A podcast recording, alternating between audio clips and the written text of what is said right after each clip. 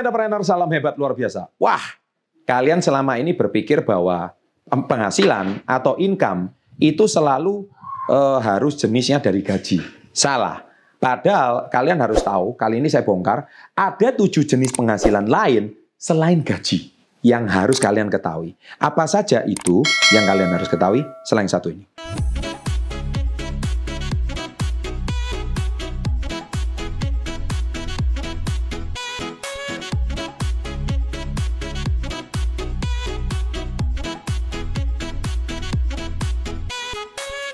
Nah, sebelum saya bongkar apa saja jenis penghasilan selain gaji, padahal ada income-income yang lain, jangan lupa subscribe dulu ya. Saya tunggu ya, 3, 2, 1, terima kasih. Loncengnya jangan lupa diaktifkan. Baik, saya yang bongkar pertama. Income yang pertama atau penghasilan pertama adalah jelas gaji.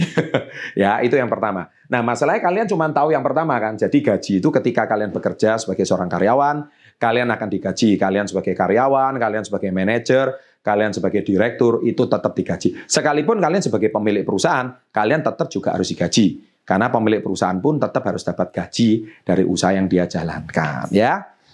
Oke, itu yang pertama yaitu gaji bulanan ya atau gaji pokok. Nah, yang kedua yaitu penghasilan atau income profit. Nah, ini yang kalian harus tahu. Jadi ketika kalian punya usaha, itu kalian juga pasti punya income dari profit. Ya, profit itu artinya eh, kalian punya income di luar gaji pokok. Jadi contohnya misalkan gaji yang sudah kalian miliki, kalian sisihkan buat buka usaha, di situlah usaha itu menghasilkan profit. Nah, kalian dapat income yang kedua. Income yang ketiga atau penghasilan yang ketiga yaitu pendapatan bunga. Ya, income bunga. Artinya apa? Kalau misalkan kalian dapat bunga, dari yang kalian uh, pinjamkan, contohnya Anda membuat koperasi atau kalian menabung deposito, itu kan kalian dapat bunga, interest ya. Nah, itu jenis income yang ketiga. Jadi kalian dapatkan penghasilan juga dari hasil tabungan kalian, itu kalian dapat bunga. Yang keempat, yaitu income dividend atau pembagian keuntungan. Misalkan Anda punya perusahaan besar, Anda punya profit. Nah, misalkan setengah tahun kalian dapat persen sesuai dengan kepemilikan saham perjanjian pembagian dividen artinya kalau kalian dalam waktu satu tahun atau setengah tahun ada keuntungan, maka pembagian dividen atau pemilik perusahaan itu dibagikan sesuai dengan porsi pemegang saham. Ya, itu namanya pembagian dividen. Itu sangat jelas sekali. Nah, yang kelima yaitu rental income atau pendapatan sewa. Nah, jadi ini kalian harus tahu juga bahwa Kenapa para miliarder itu mereka itu bisa kaya raya? Karena sumber income mereka nggak cuma satu. Salah satunya hasil income mereka itu dapat dari pendapatan sewa. Contohnya Anda punya motor tiga nganggur. Ya lebih baik tiga itu kalian karyakan jadi eh, sewa satu supir gojek atau apa bagi hasil. Nah akhirnya kalian sebagai pemilik motor itu kalian juga bisa dapat penghasilan.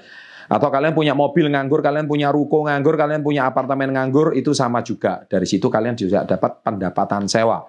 Yang keenam, kalian dapat pendapatan royalti. Pendapatan royalti misalkan kalian hari ini misalkan punya perusahaan, punya manajemen, nah dari situ kalian dapat hasilnya.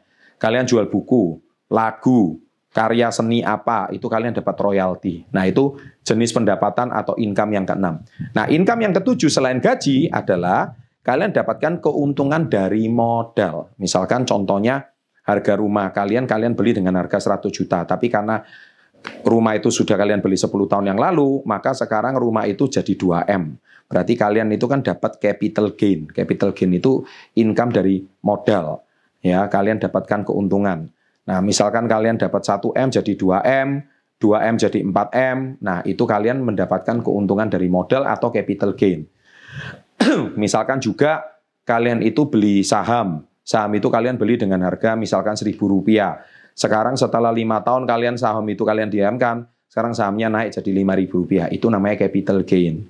Ya, nah kalian beli sawah. Sawah itu dulu kalian beli dengan harga 200 juta. Sekarang sawah itu sekarang harganya menjadi 1 M. Nah kalian dapat capital gain.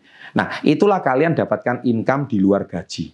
Makanya sahabat entrepreneur dengan pengetahuan seperti ini, saya kalian akan mendapatkan hal yang sangat luar biasa. Nah oleh sebab itu juga kalian bisa juga menabung emas ya menabung emas yaitu menabung emas di Tamasya yang saya rekomendasikan. Kenapa menabung emas di Tamasya? Karena itu kalian juga bisa meningkatkan income dari income yang ketujuh, yaitu pendapatan keuntungan dari modal.